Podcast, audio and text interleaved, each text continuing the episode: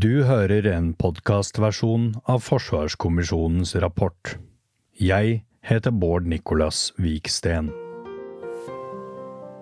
Kapittel 10 Militærmakt Utviklingen av militærmakt som politisk instrument, herunder på hvilke måter stater anvender militærmakt i fred, krise og krig, er avgjørende å forstå for å innrette forsvaret av Norge. Forståelse av militærmakt handler om teknikk og taktikk, men vel så mye om politikk. Bruk av militærmakt er et instrument for å nå et mål, og er sjelden et mål i seg selv. Med mer konfrontasjon og risiko for global todeling i internasjonal politikk og økonomi, ytterligere sammensmelting av nasjonale og eksterne trusler, og en formidabel og ukontrollerbar teknologiutvikling, blir militærmakt både mer komplisert og lettere tilgjengelig. Dette kapitlet tar for seg sentrale utviklingstrekk for militærmakt de neste 10–20 årene. Nye militære konsepter som desentralisert krigføring er i utvikling, og evnen til å samvirke i fellesoperasjoner blir viktigere. Allierte må være interoperable for å kunne samhandle i slike fellesoperasjoner, og USA setter standarden. Samtidig er produksjon av forsyninger og materiell fremdeles avgjørende for krig. Krigføringsområdene er også i endring, med mer mellomstatlig konkurranse i gråsonen mellom krig og fred. I digitaliseringens tid blir også cyberområdet stadig viktigere. Kjernevåpnenes rolle i avskrekking forsterkes, og da får nordområdene økt strategisk betydning. Krigføring blir mer distribuert og selvstyrt. De neste 10 til 20 årene vil krigføring bli mer distribuert og mer selvstyrt. Ved å dele opp sensorer og våpen, som i dag er samlet på samme plattform over et stort antall mindre og i økende grad selvstyrte plattformer, er det mulig å kraftsamle ild uten å konsentrere egne styrker på samme sted. Evnen og viljen til å bruke og utnytte kunstig intelligens og autonome systemer vil være avgjørende for ethvert moderne forsvar. Nåværende systemer er sårbare, annet fordi de baserer seg på noen få viktige kapasiteter. Ledelse av krigføring er også blitt for sentralisert, noe som gjør det vanskelig å operere i områder hvor motstandere forstyrrer eller jammer radio- og satellittkommunikasjon. Redundans blir derfor viktigere. Kostbare alt-i-ett-plattformer er forholdsvis lite fleksible og lite tilpasningsdyktige. Det er derfor lett å forutse deres handlinger mindre behov for integrasjon av teknologi på én og samme plattform vil muliggjøre større fleksibilitet til å løse oppdrag og sannsynligvis være mer kostnadseffektivt. Det vil også bli flere muligheter til å gjemme bort våpensystemer eller gjøre dem enklere å transportere. Flere land tester ut missiler som avfyres fra konteinere, eller de bruker sivile systemer for å finne ut hvor fienden befinner seg. Det er imidlertid en risiko forbundet ved at de kritiske komponentene som legger til rette for distribuert krigføring, og da særlig kommunikasjon, blir skadet, forstyrret eller ødelagt. Det kan gjøre at et distribuert kampsystem kan gå fra å være et sammenkoblet, sammenhengende nettverk til å bli en frakoblet mengde enkeltenheter ute av stand til å operere effektivt. Det amerikanske marinekorpsets operasjonskonsept, Expeditionary Advanced Base Operations, er kommet langt i å distribuere kampkraft. Konseptet utvikles for å kunne møte en militær trussel i Stillehavet, og hensikten er å nekte en motstander tilgang til strategiske sjøområder. Ambisjonen er å besette viktige øyer og utplassere våpensystemer med lang rekkevidde for å skape nektelsesområder som hindrer fiendtlige skip og fly tilgang. Basert på øvelser i Norge tyder mye på at konseptet også kan fungere nær norskekysten. Debatten og motstanden mot overgangen til lettere og mer mobile konsepter har møtt i USA, er også en indikator på at tilsvarende kursjusteringer i andre vestlige land vil være utfordrende å få til. Fellesoperasjoner blir enda viktigere. Evnen til å skape koordinerte militære effekter på tvers av operasjonsområder øker i tråd med hvordan land drar nytte av den teknologiske utviklingen. Truslene blir flere, og militære styrker er avhengig av flere virkemidler for å forbli relevante. På tilsvarende måte øker sårbarheten fra trusler som hittil ikke har vært ansett som tradisjonelt militære. Fellesoperasjoner, den samordnede bruken av ulike militære innsatser i alle domener, øker operativ effekt av de ressursene man har. De utfordrer også motstanderen i flere domener samtidig. Vesten, med USA i spissen, har hittil hatt en overlegen evne til å utføre slike operasjoner. Kina og Russland innretter sine militære styrker for å utligne denne fordelen. Ny teknologi og ny innsikt øker mengden mulige angrepsmetoder. Aktører vil fortsette å føre krigen med alle tenkelige midler for å svekke motstanderens evne og vilje. For eksempel invaderte Russland Ukraina med numerisk overlegne styrker fra flere fronter. De angriper også sivil kritisk infrastruktur i sine forsøk på å vinne krigen. Utviklingen av flere angrepsmetoder vil medføre at militære organisasjoner må forsvare seg mot stadig flere trusler. Det gjør også at militære styrker må øke egen evne til å bekjempe en motstander på en mer asymmetrisk måte. Det best egnede forsvarsvåpenet er ikke nødvendigvis i det samme domenet som det motstanderen befinner seg i. Samvirke på tvers av land, sjø og luft er fortsatt viktig, men samvirke også i det digitale og ytre rom blir stadig viktigere. Mer komplekse militære operasjoner øker kravene til kommando og kontroll. Digitaliseringen av militære styrker som startet i 1980-årene, pågår fremdeles. Utviklingen bidrar til å knytte sensor- og våpensystemer sammen i datanettverk, og fører til økt effekt i militære operasjoner. Bruk av IKT og digitalisering er en forutsetning for å øke evnen til fellesoperasjoner. De neste 20 årene vil ambisjonen om at moderne militære styrker skal fungere som et nettverk, bare bli viktigere. Militære avdelinger vil bli vurdert ut fra evnen til å omsette personell, utstyr og stridsteknikk til kampkraft, uavhengig av hvor denne tas i bruk.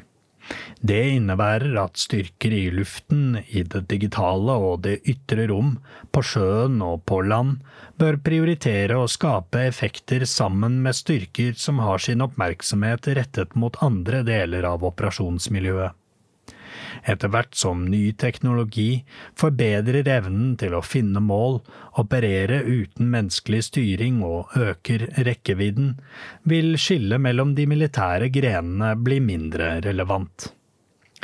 Selv om samarbeid på tvers av domener blir viktigere, vil kompetanse og spesialisering fortsatt være avgjørende.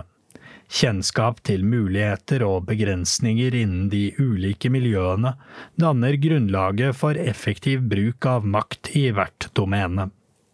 Behovet for erfaring, kompetanse og utdanning innen hele bredden av militære maktmidler vil øke i takt med den teknologiske utviklingen. Militære operasjoner innen hvert domene er allerede svært kompliserte og krever særegen kompetanse. I fremtiden vil dette tilta, samtidig som evnen til fellesoperasjoner vil bli stadig mer kritisk. Alliert interoperabilitet blir avgjørende. Fellesoperasjoner krever interoperabilitet mellom avdelinger, systemer og allierte. Utstyr fra ett land må fungere sammen med utstyr fra et annet. For at et moderne forsvar skal kunne opprettholde evne til fellesoperasjoner, trengs det kontinuerlig utvikling for å være relevant. Særlig krevende er tett integrasjon av systemer og prosedyrer med andre allierte. Norsk alliansetilknytning, og da spesielt mottak av og samvirke med allierte, krever en teknologisk standard som gjør fellesoperasjoner med allierte mulig. Allierte lands forsvar oppnår størst effekt ved å anskaffe kapasiteter som er interoperable med hverandre. Europeiske forsvar har blitt for små til å kunne gjøre spesialbestillinger eller skape stordriftsfordeler enkeltvis. USA står igjen som den eneste allierte som klarer å oppnå dette med egen forsvarsindustri. For Norge blir det viktigere å anskaffe samme kapasiteter eller stille med kapasiteter som er etterspurt, relevante og som fungerer godt sammen med allierte. Samarbeid om anskaffelser og utvikling vil ikke være mulig uten utstrakt internasjonalt samarbeid og bedre utnyttelse av stordriftsfordeler på tvers av NATO-land. For å illustrere dette er det interessant å merke seg at i 2022 hadde europeiske allierte land 2500 helikoptre fordelt på 44 typer. På lignende vis hadde de 4200 stridsvogner fordelt på tolv modeller. Hver av disse har en rekke løsninger tilpasset hvert enkelt lands preferanser. Norge har gjort seg til eneste bruker av flere militære plattformer, slik som fregattene i Nansen-klassen og korvettene i Skjold-klassen, eller spesialløsninger slik som den norske oppgraderingen av M113 kjøretøy. At Natos medlemsland produserer små serier tilpasset lokale preferanser, fører ikke bare til at investeringskostnadene blir høye. Det gjør også at utstyret blir svært kostbart og vanskelig å oppgradere, reparere og vedlikeholde. Det ukrainske forsvaret har utfordringer med å vedlikeholde de ulike våpensystemene de har fått donert. Lav interoperabilitet og systemlikhet får ikke bare økonomiske, men også operasjonelle konsekvenser. Ukraina-krigen har avdekket at selv standardisert NATO-ammunisjon, som kruttladninger til artilleri, likevel ikke er konsistent mellom produsenter. Dermed fungerer de ikke på tvers av systemer slik de var ment. Dersom Nato skal bli mer robust, er alliansen avhengig av gode løsninger som klarer å forene nasjonale, økonomiske og operative hensyn. Fleksibilitet og mulighet for oppgradering vil i økende grad bli en forutsetning for anskaffelser av ny teknologi. Det er de store nasjonene som driver frem utviklingen av de teknologisk tyngste systemene, og hvordan disse øker kampkraften. Rask utvikling innen eksempelvis sensorer og programvare gjør det nødvendig å kontinuerlig oppdatere materiellet gjennom hele levetiden.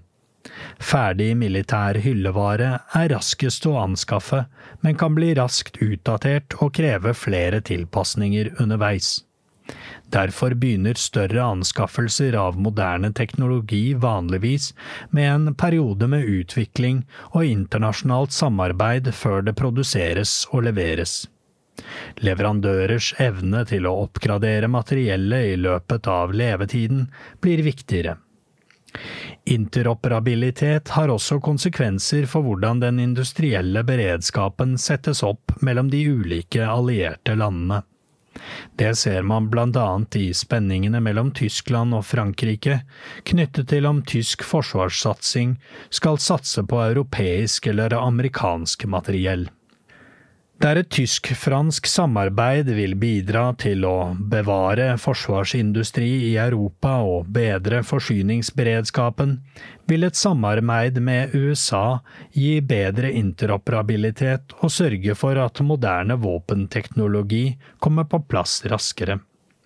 Sør-Korea har de siste årene også etablert seg som en relevant leverandør, spesielt innen landmateriell, ved å levere hurtig og til best pris. En rekke vestlige land, inkludert Norge, har anskaffet artilleriet K9, som er blitt et av de mest utbredte, med rundt 2000 enheter i bruk.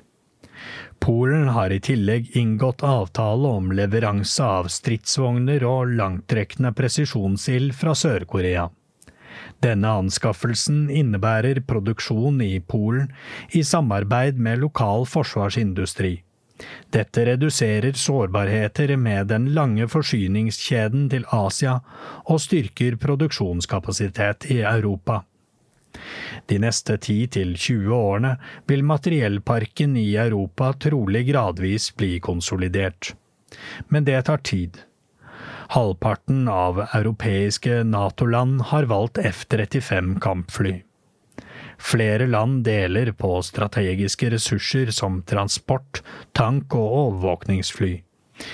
I Norden og Nord-Europa er det et stort potensial i å tilstrebe større likhet innen landmateriell. Mange land har mye å tjene på å senke kostnaden per plattform og sørge for at man kan effektivisere vedlikehold, ammunisjon, reservedeler, øving og trening sammen med allierte. Bedre synkronisering av forsvarsplaner og investeringer mellom landene vil være et nødvendig første steg. USA setter standarden. Amerikansk krigserfaring og vilje til å teste ut nye konsepter gjør at USA har høyest troverdighet i å identifisere balansen mellom det som er teknologisk mulig, og det som er militært realistisk. Kappløpet mellom tiltak og mottiltak påvirkes av teknologiens modenhet og potensial for å skape asymmetri på slagmarken. Kina vil fortsette å prioritere utvikling av nettverks- og rombasert militærevne. Hensikten er å effektivisere innhenting, prosessering og bruk av informasjon gjennom sammenkobling på tvers av forsvarsgrener og enheter, og kompensere for USAs konvensjonelle overlegenhet. Kina legger til grunn at brytningsteknologi som kunstig intelligens og autonome systemer vil gripe inn i alle aspekter av fremtidens krigføring. Både Kina og Russland tenker asymmetrisk og på andre måter enn USA og andre Nato-land. Vestlige land med små forsvar er avhengige av å være mest mulig interoperable med hverandre, og spesielt med USA. Dette vil være en økende prioritet for Nato fremover. Selv om enkelte land har vist evne til å utvikle og innføre et ny teknologi, er det kun USA og Kina som kan gjøre dette i en stor nok skala til at det blir globalt førende. Det understreker betydningen av alliert integrasjon som styrende prinsipp for utvikling av mindre lands forsvar. Forsvaret må fortsette å lære av andre allierte for egen utvikling.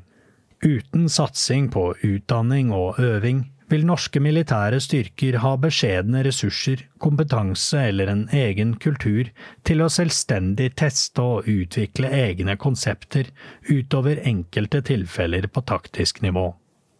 I Forsvaret hentes det for eksempel inn mengder av forvaltningsinformasjon, men svært lite om utførselen av militære operasjoner. Forsvaret har dermed lite empiri å bygge kunnskap om militære operasjoner på. Erfaringer fra utenlandsoperasjoner og store øvelser forblir stort sett enkeltstående erfaringer. Et moderne forsvar må kunne utnytte lærdommene man får fra datainnhenting. I mangel på miljøer som kan utvikle empiri om alternative operative konsepter, vil erfaringene fra forrige krig eller alliert forsterkning prege og legge føringer på den nasjonale utviklingen.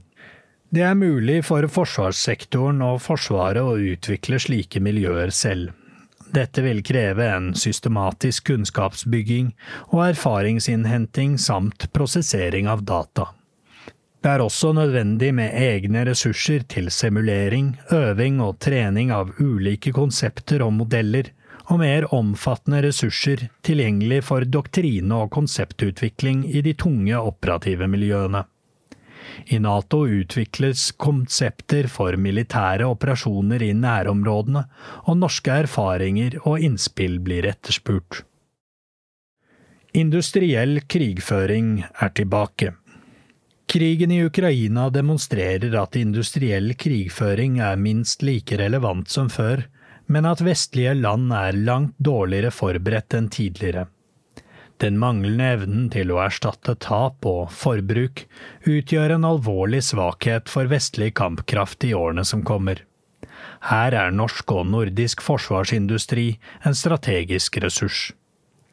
Det store forbruket av ammunisjon og materiell i Ukraina demonstrerer at krig ofte avgjøres av evnen til å produsere og erstatte materiell og personell.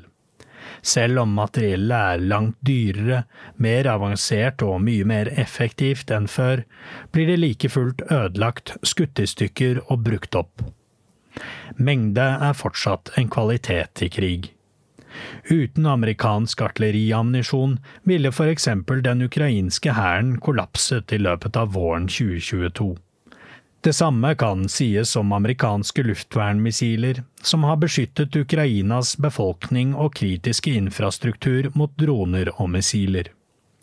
Siden slutten av den kalde krigen har vestlige land beveget seg vekk fra serieproduksjon og over til mindre serier med høyteknologiske produkter. Stadig større krav til avansert militær teknologi og introduksjonen av stadig mer smart ammunisjon har økt kostnadene og produksjonstiden. Samtidig har størrelsen på bestillingene gått ned. Kuttene i vestlige forsvarsbudsjetter har ført til at ammunisjonslageret er kraftig redusert, og at nye kapasiteter har blitt kjøpt inn med lite medfølgende ammunisjon.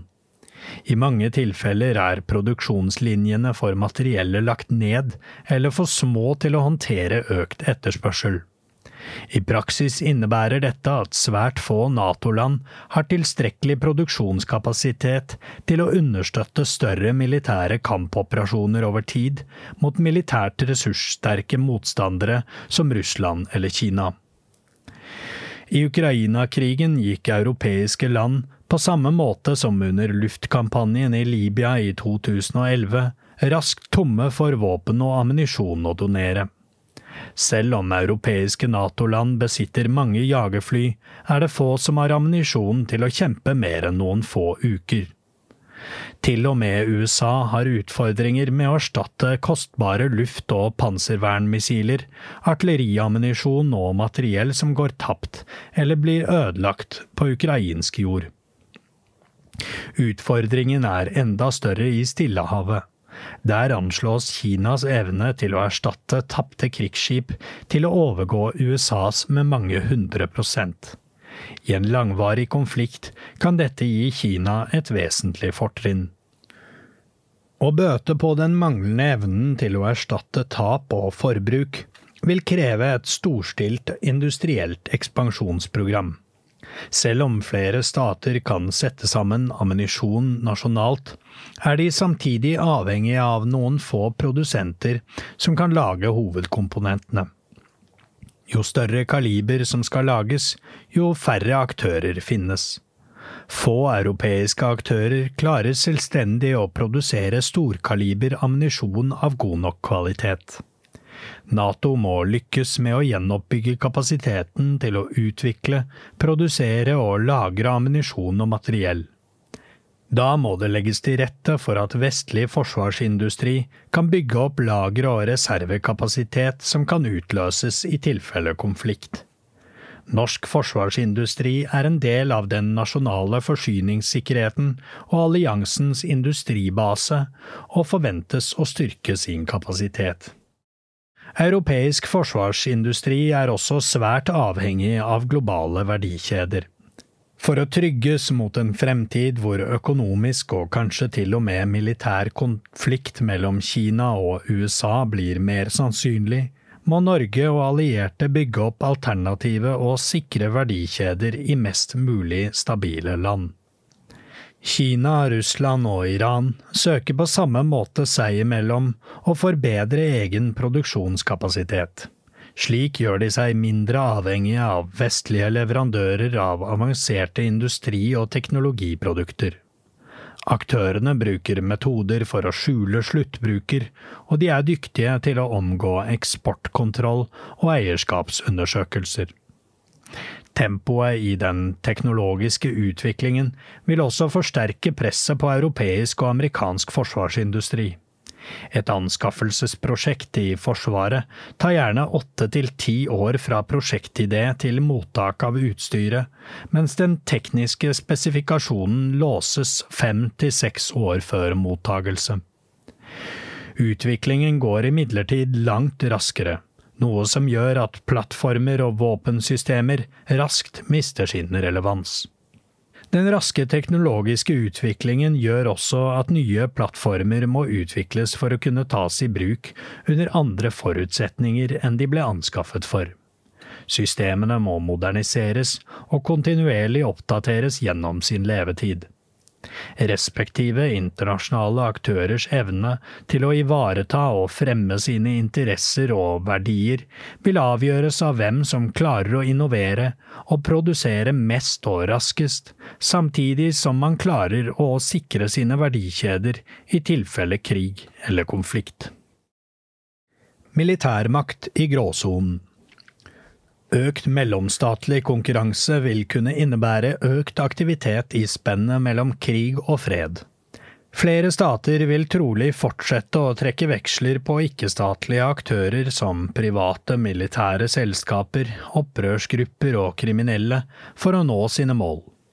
Økende rivalisering mellom de mektigste statene vil få konsekvenser for regional stabilitet, der man kan forvente flere stedfortrederkonflikter, økt støtte til andre lands militære operasjoner eller støtte til desinformasjonskampanjer.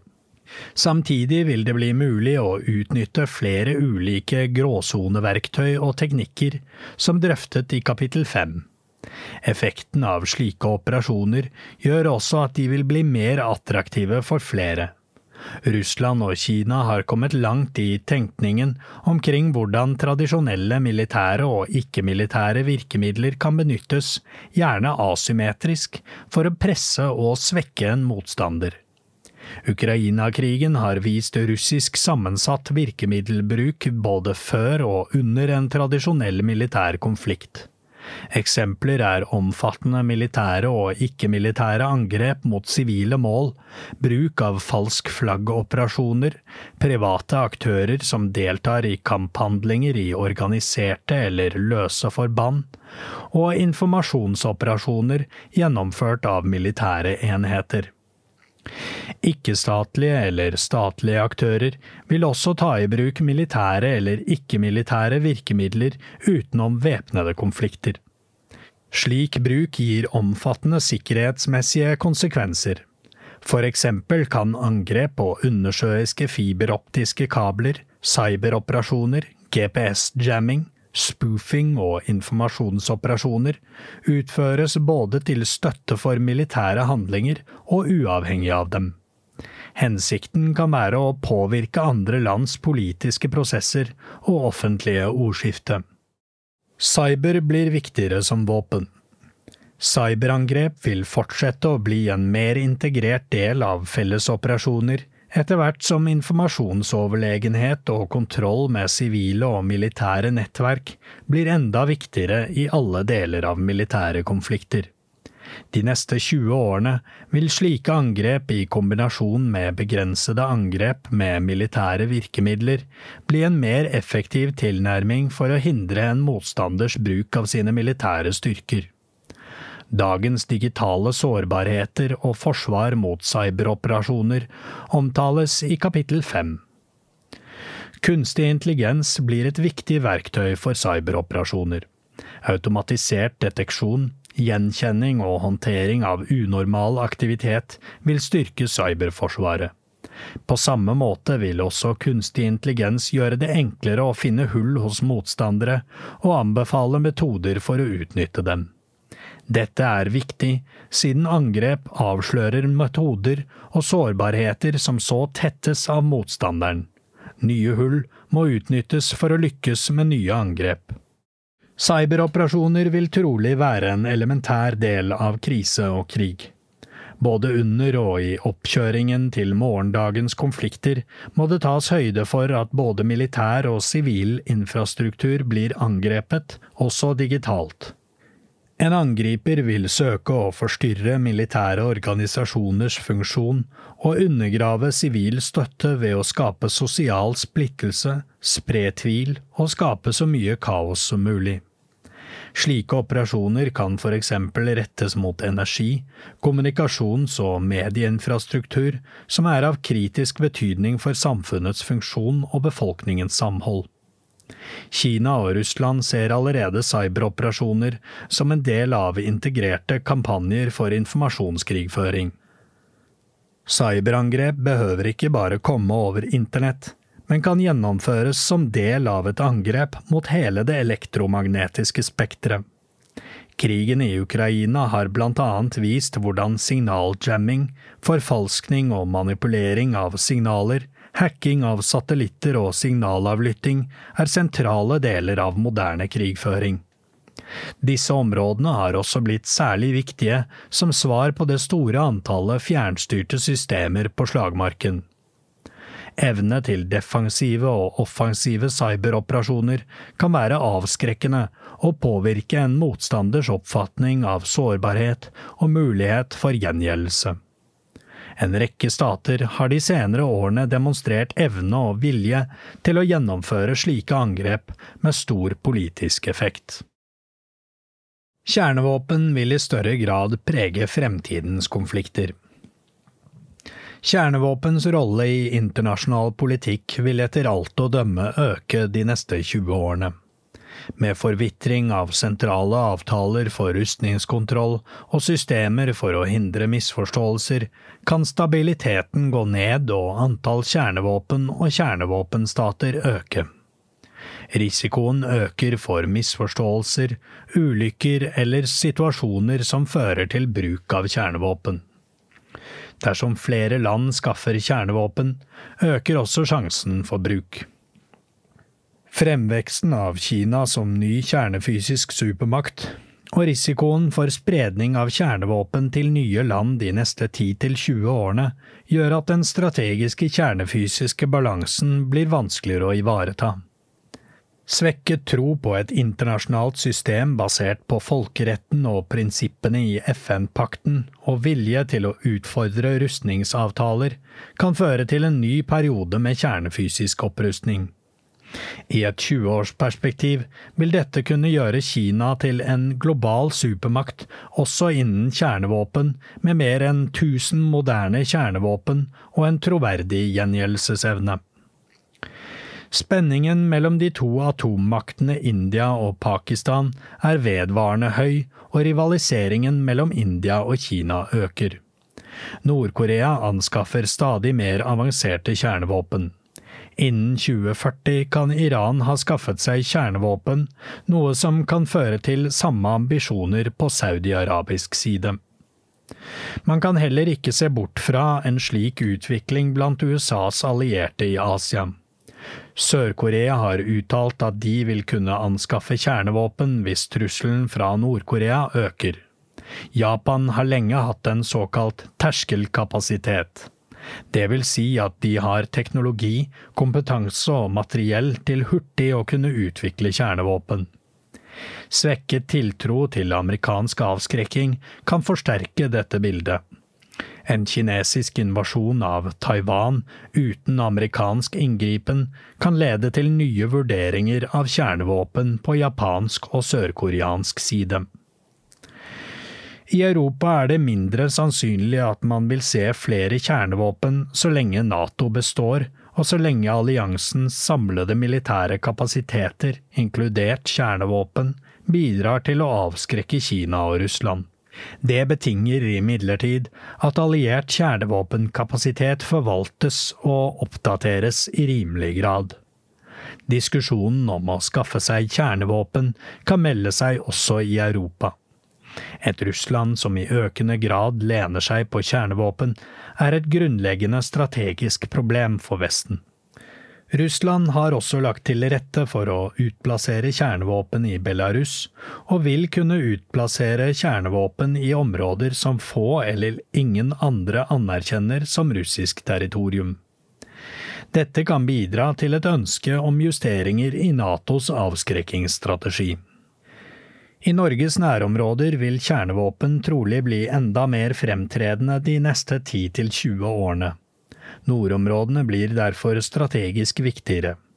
Et konvensjonelt svekket Russland vil bli mer avhengig av sine kjernevåpen som sikkerhetsgaranti og pressmiddel. Vi må forvente at NATO-utvidelse til Sverige og Finland gjør at Russland vil oppfatte og fremstille utvidelsen som en økt trussel fra NATO i nord.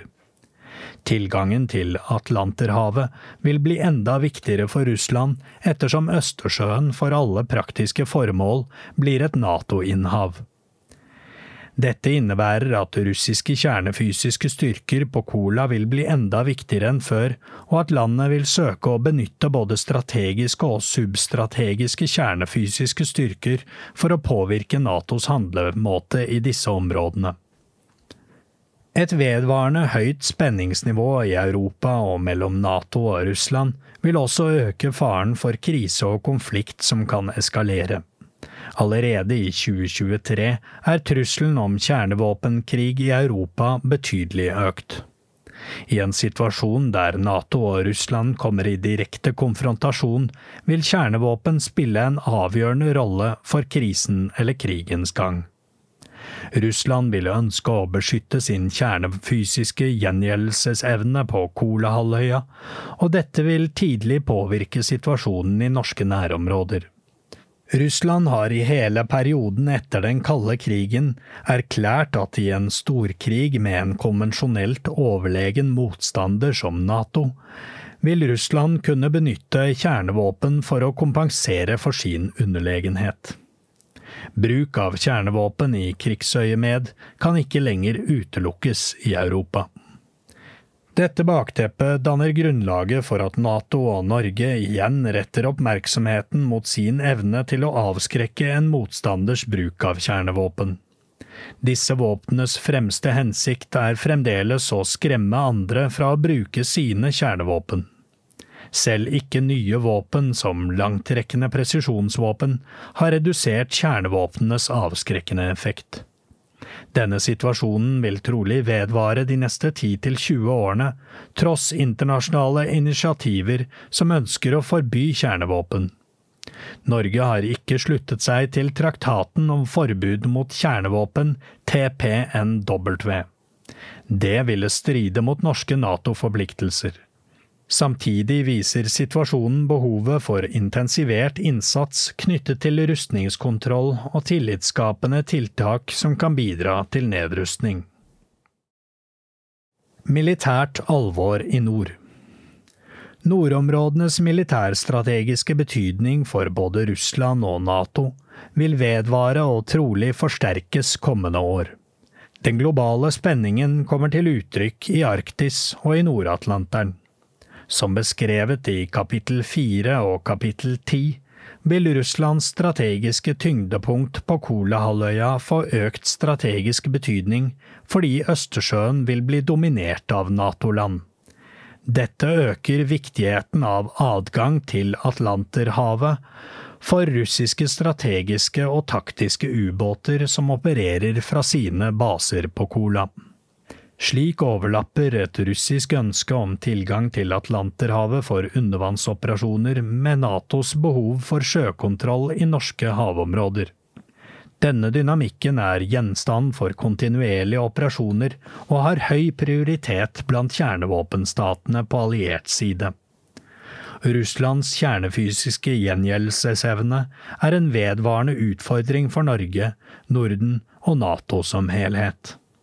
Den russiske nordflåtens evne til å gjennomføre militære operasjoner generelt, og til å drive kampoperasjoner under arktiske forhold spesielt, er vesentlig styrket de senere år. Russland forserer utbygging av militærbaser rundt Barentshavet, på de arktiske øyer og ved kystlinjen langs Nordøstpassasjen. Dette anses som viktig for å forsvare de strategiske ubåtene, sikre adgangen til Atlanterhavet og ivareta russiske interesser i Arktis. Svalbard har militærstrategisk betydning for Russland, som prioriterer tilstedeværelse til tross for sviktende næringsgrunnlag. Russlands evne til å skyte langtrekkende missiler fra undervannsbåter vil fortsatt utgjøre en betydelig potensiell trussel mot Natos forsyningslinjer over Atlanterhavet, allierte skip og mot det amerikanske kontinentet. Ubåtene er også utrustet for å ødelegge undersjøisk infrastruktur på havbunnen. De neste 20 årene må Norge og allierte ta høyde for økende russisk evne og vilje til å true eller bruke makt på bakgrunn av sin kampkraft i nord. Russiske kjernevåpens rekkevidde og skadepotensial er en alvorlig sikkerhetsutfordring for alle allierte land. Russiske angrepsubåter utgjør potensielt en stor trussel mot allierte skip og transatlantiske forsyningslinjer. USA vil derfor fortsette å bruke ressurser i norske nærområder på overvåkning, oppklaring og forsvar, delvis uavhengig av interessen for Europa generelt. Utfordringen har blitt større etter hvert som russisk konvensjonell evne har blitt redusert og risikoviljen har økt. Russland er fullt ut i stand til å true infrastruktur i vestlige havområder. Moderne ubåter er svært stillegående og ressurskrevende å følge. Med stadig mer moderne sensorer plattformer og våpen, er militær aktivitet under vann fortsatt noe av det mest krevende å forsvare seg mot. Når USA ønsker å prioritere militære ressurser for Asia, må allierte som Norge forberede seg på å bidra mer til sikkerhet og stabilitet i nord. USA har de siste årene utviklet flere strategier for Arktis. Amerikansk kapasitet er imidlertid for strukket for å kunne være like mye til stede med like mye kraft som europeiske allierte har vært vant til. Det er samtidig ingen andre stater enn USA som har evnen til å sikre troverdig avskrekking og forsvar i nord. USA har vektlagt såkalt integrert avskrekking i nye sikkerhetsstrategier. Dette innebærer et ønske om, og behov for, at andre allierte utfører noen av oppgavene som amerikanerne selv vanligvis har gjort. USA vil bli mer insisterende på at Europa må påta seg et mye større ansvar for sitt eget forsvar. Ressurshensyn kan også bety at USA og Storbritannia velger å operere militært på måter som ikke alltid er i tråd med andre alliertes foretrukne opptreden.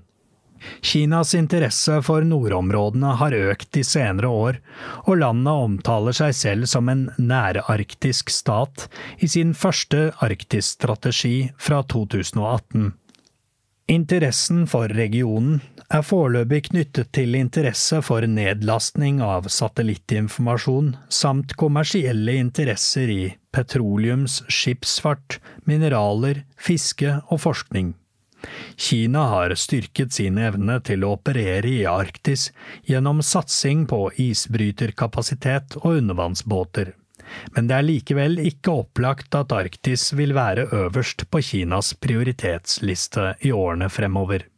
Russland ønsker trolig ikke å slippe Kina for tett på sine strategisk viktige marinebaser, og heller ikke dele kontrollen over den nordlige sjørute.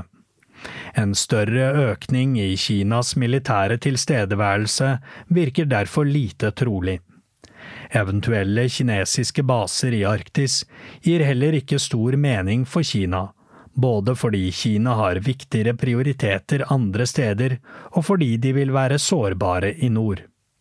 Gjennomseilinger og felles øvelser med russiske styrker er mer sannsynlige, og en svakere russisk økonomi kan føre til at Kina slippes til i større grad. Russland vil trolig bli stadig mer avhengig av Kina i tiden fremover.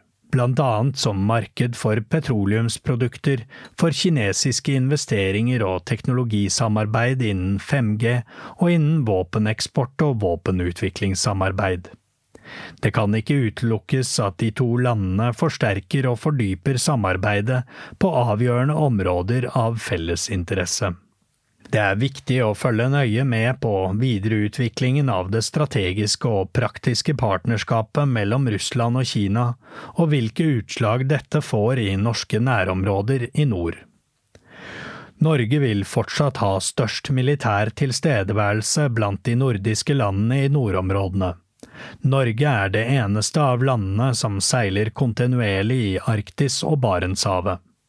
Finsk og svensk Lappland vil fortsette å være tynt befolket og ha lite infrastruktur, og de militære styrkene i området vil trolig være lett oppsatte og delvis mekaniserte. Sverige har imidlertid uttalt politiske ambisjoner for industriutvikling og befolkningsforflytning nordover. Sverige vil også styrke militært nærvær i Nord-Sverige, med ny militæravdeling og vertslandsstøtte ved Kiruna.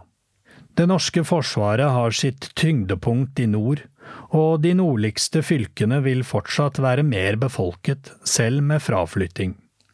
Den nordiske geografien og det nordiske samvirket gjør det naturlig å se på Norden som ett operasjonsteater innenfor en bredere NATO-ramme. Kommisjonens vurdering Kommisjonen mener at Norge og Europa står overfor en rekke konkrete militære utfordringer, problemer og trusler som krever handling. Situasjonen er allerede krevende for Norge å forholde seg til, og den vil bli mer utfordrende de neste 10–20 årene. Krig og voldsbruk er tilbake som kraftfulle og utilslørte politiske instrumenter. Bruken av militærmakt for å konsolidere makt, sikre egne regimer og tilegne seg flere ressurser, fremstår mindre risikabelt for flere autoritære og totalitære stater, også fordi vestlige lands relative makt svekkes.